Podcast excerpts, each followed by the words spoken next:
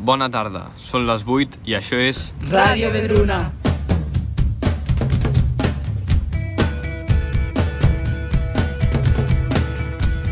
En aquesta ocasió ens trobem l'Aaron Buendia, la Júlia Dormer, l'Alba Llopart, el Pablo Morillo i jo, Biel Zavala.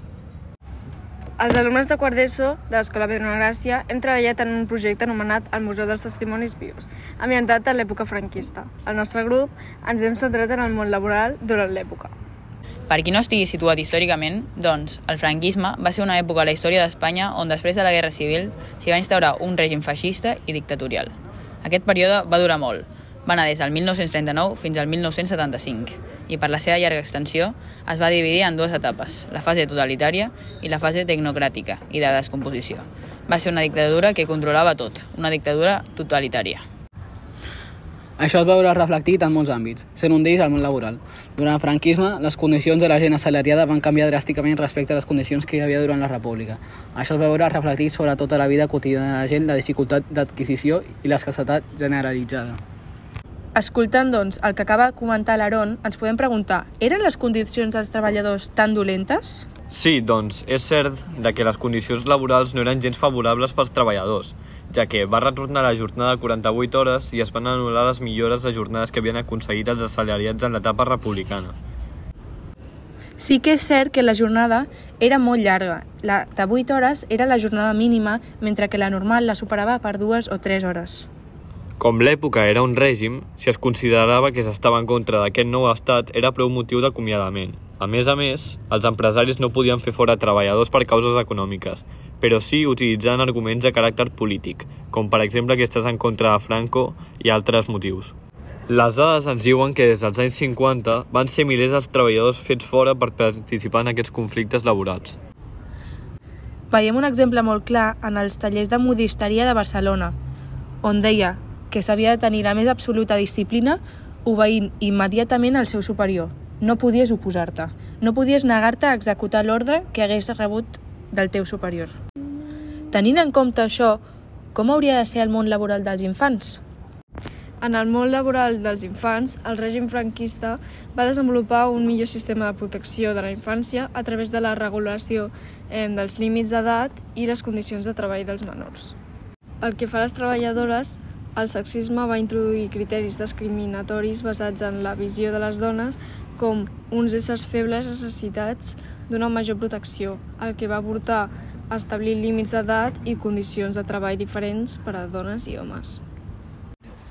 Una de les lleis que va protegir els infants actius dins el món laboral és la llei de contracte de treball, que es va aplicar l'any 1944.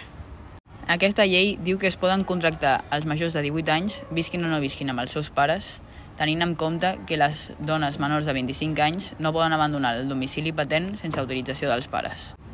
Que es podran contractar els majors de 14 anys que amb el coneixement dels seus pares o avis visquin independentment d'ells. També es podrà contractar els menors de 18 anys amb autorització del pare, la mare, els avis, tutors o persones que els tinguin a càrrec seu. Per últim, es podran contractar els homes que hagin contret matrimoni. Després d'haver vist els punts de les lleis, els horaris, el context històric, ja ens podem imaginar com era la situació en l'època del franquisme eh, dels treballadors. Ara eh, parlarem amb Maria Montanyola, una dona que hi va viure al franquisme. Però abans, pausa publicitària, tornem en 30 segons. Erraiz Maquinària. Som experts en donar solucions a professionals i particulars. 70 anys d'experiència en rec, materials de protecció, eina manual i elèctrica, jardineria i piscina, conducció i evacuació d'aigües, i tot per al teu taller. A Erraiz Maquinària tens l'assessorament dels millors professionals. Ens trobaràs al carrer Amposta 46 de Ferreries, Tortosa. Erraiz Maquinària. Som solucions.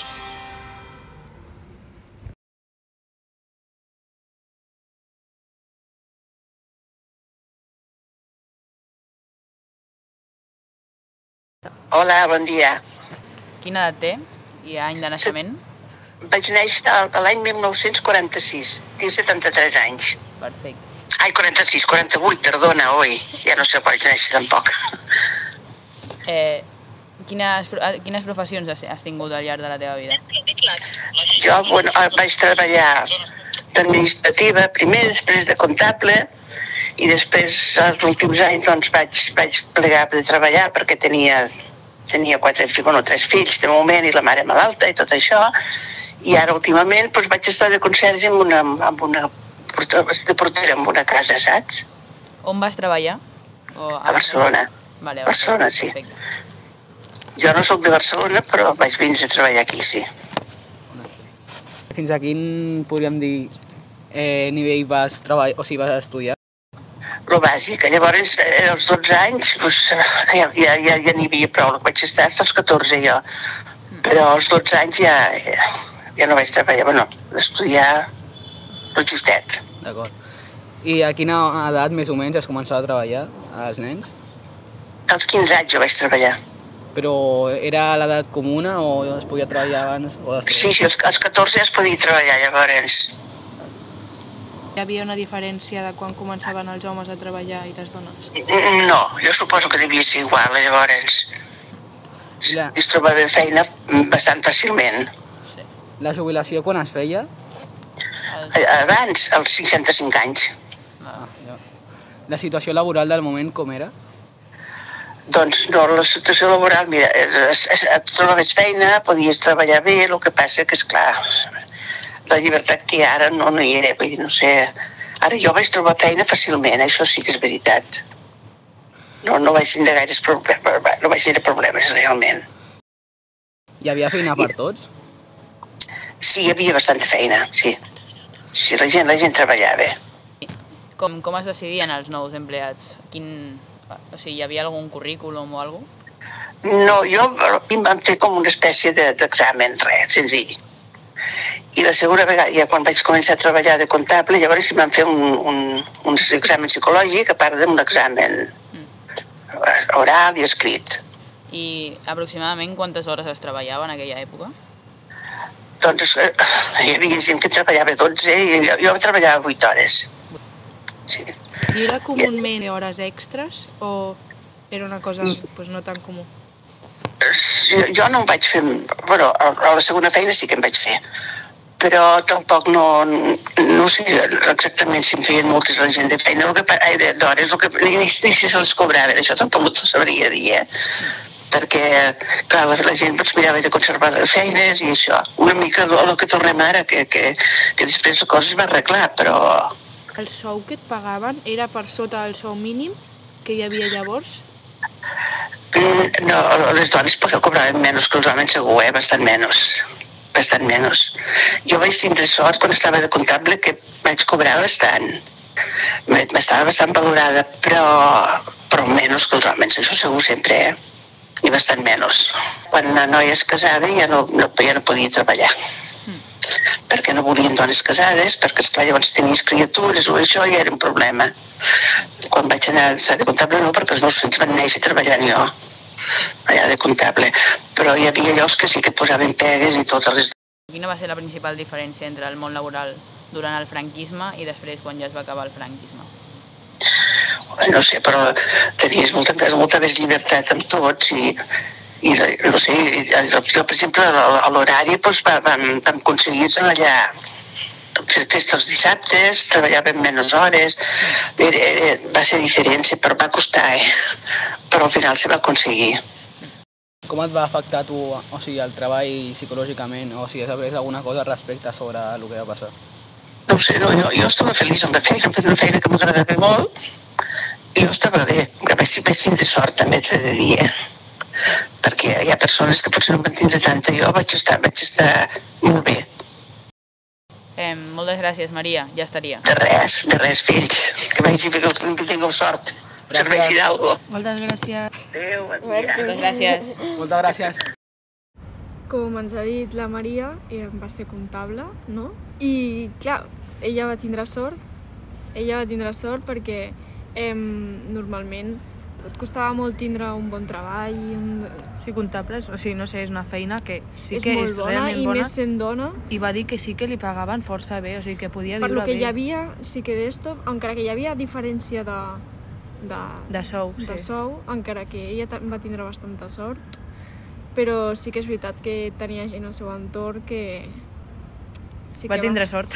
Sí, ella va tindre bastanta sort. Educació.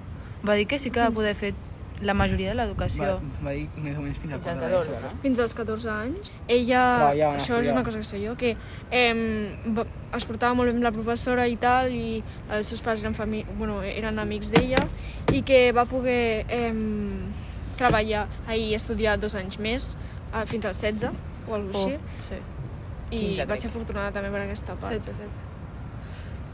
També va dir bueno, que lo normal era fins als 12, o sigui, i que als 14 es començava a treballar. O sigui, Sí, Quina això. diferència amb ara, eh? nosaltres sí. ja no estem... Sí, això fa un reflex de la nostra societat doncs, que ha evolucionat molt. Va dir que, que amb el postfranquisme sí que han millorat les hores i que amb el postfranquisme sí que han millorat les hores, però que abans, Abans podies arribar Que- a treballar 12 hores. sí, durant el franquisme podies arribar a Una treballar borrada. 12 hores I fins i diàries dissabtes i inclús alguns diumenges en Sí, alguns veritat. treballs. i que amb el postfranquisme van aconseguir que es traguessin aquests... Això era un cansanci ja Lent, de... poc a Les poc. condicions inhumanes. Sí, ja d'estar preocupat per les feines que hi havia a casa, perquè abans no hi havia tecnologia i això, i clar, eren Un sobreesforç La don- físic. Sí, Sí. La, la dona més havia de fer la feina de casa. Més, clar, O sigui- també això. Per sort ella va treballar només 8 hores al dia, més o menys. Sí, Clar, dintre d'aquest aspecte... En doncs, sobreesforç. I Sí, no, va- no va va fer moltes hores extra, la Maria. Dintre tot va ser privilegiada dintre del sector de dones, ja que Sí. igualment encara que treballés moltes hores, doncs dins de tot no era un sobreesforç per ella. No totes les dones aconseguien bueno, treballar, també, clar, sí que va tindre més sobreesforç a, a casa perquè tenia quatre fills i a part se li va morir el, el seu marit uh, amb poca, edat, en plan, era molt jove i clar, cuidar quatre fills, treballar ella sola, Amb la seva mare malalta, sí, era un sobreesforç bastant? Molt. heavy. En, va ser una noia guerrera. Sí, El que sí que ens va dir que va ser que, o sigui, les seves hores laborals, o sigui, no eren com fixes, que canviaven de la feina, o sigui, Sí. que una vegada havia estat a un lloc textil i que les seves hores sí que van pujar molt. No sé, clar, suposo que és depèn, depèn de- del lloc. d'això i depèn I també. també és curiós que ella, que vivia a un poble, abans ha dit, eh, se'n va anar a treballar a Barcelona, com la majoria de gent que va a Catalunya, ja que en aquella època ja Barcelona era una de les principals Sí, només per buscar del treball. comerç espanyol Clar, i doncs, català. que quedar-se en un poble, doncs, jo crec que et dona bastantes limitacions a l'hora de buscar feina. I sobretot a l'hora d'aconseguir diners, si ets Sí. una dona viuda Per amb quatre conviure. fills... Sí, Sí, jo crec que és el que buscava tothom, no? Sí. Emancipar-se cap a les grans ciutats. buscar sobreviure i, i seguir endavant.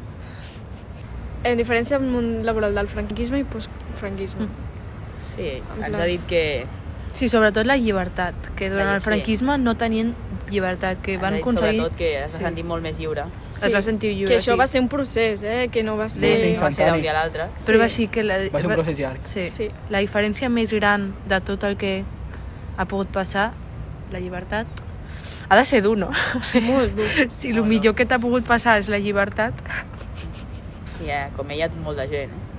La gent que va I viure... ella encara va tindre sort, però... La Clar, gent això que va viure molt. en, en pitjors Això condicions. diu molt de l'època. Sí, Quan es va acabar el franquisme, és la un gent ho va molt bon exemple de, de l'època.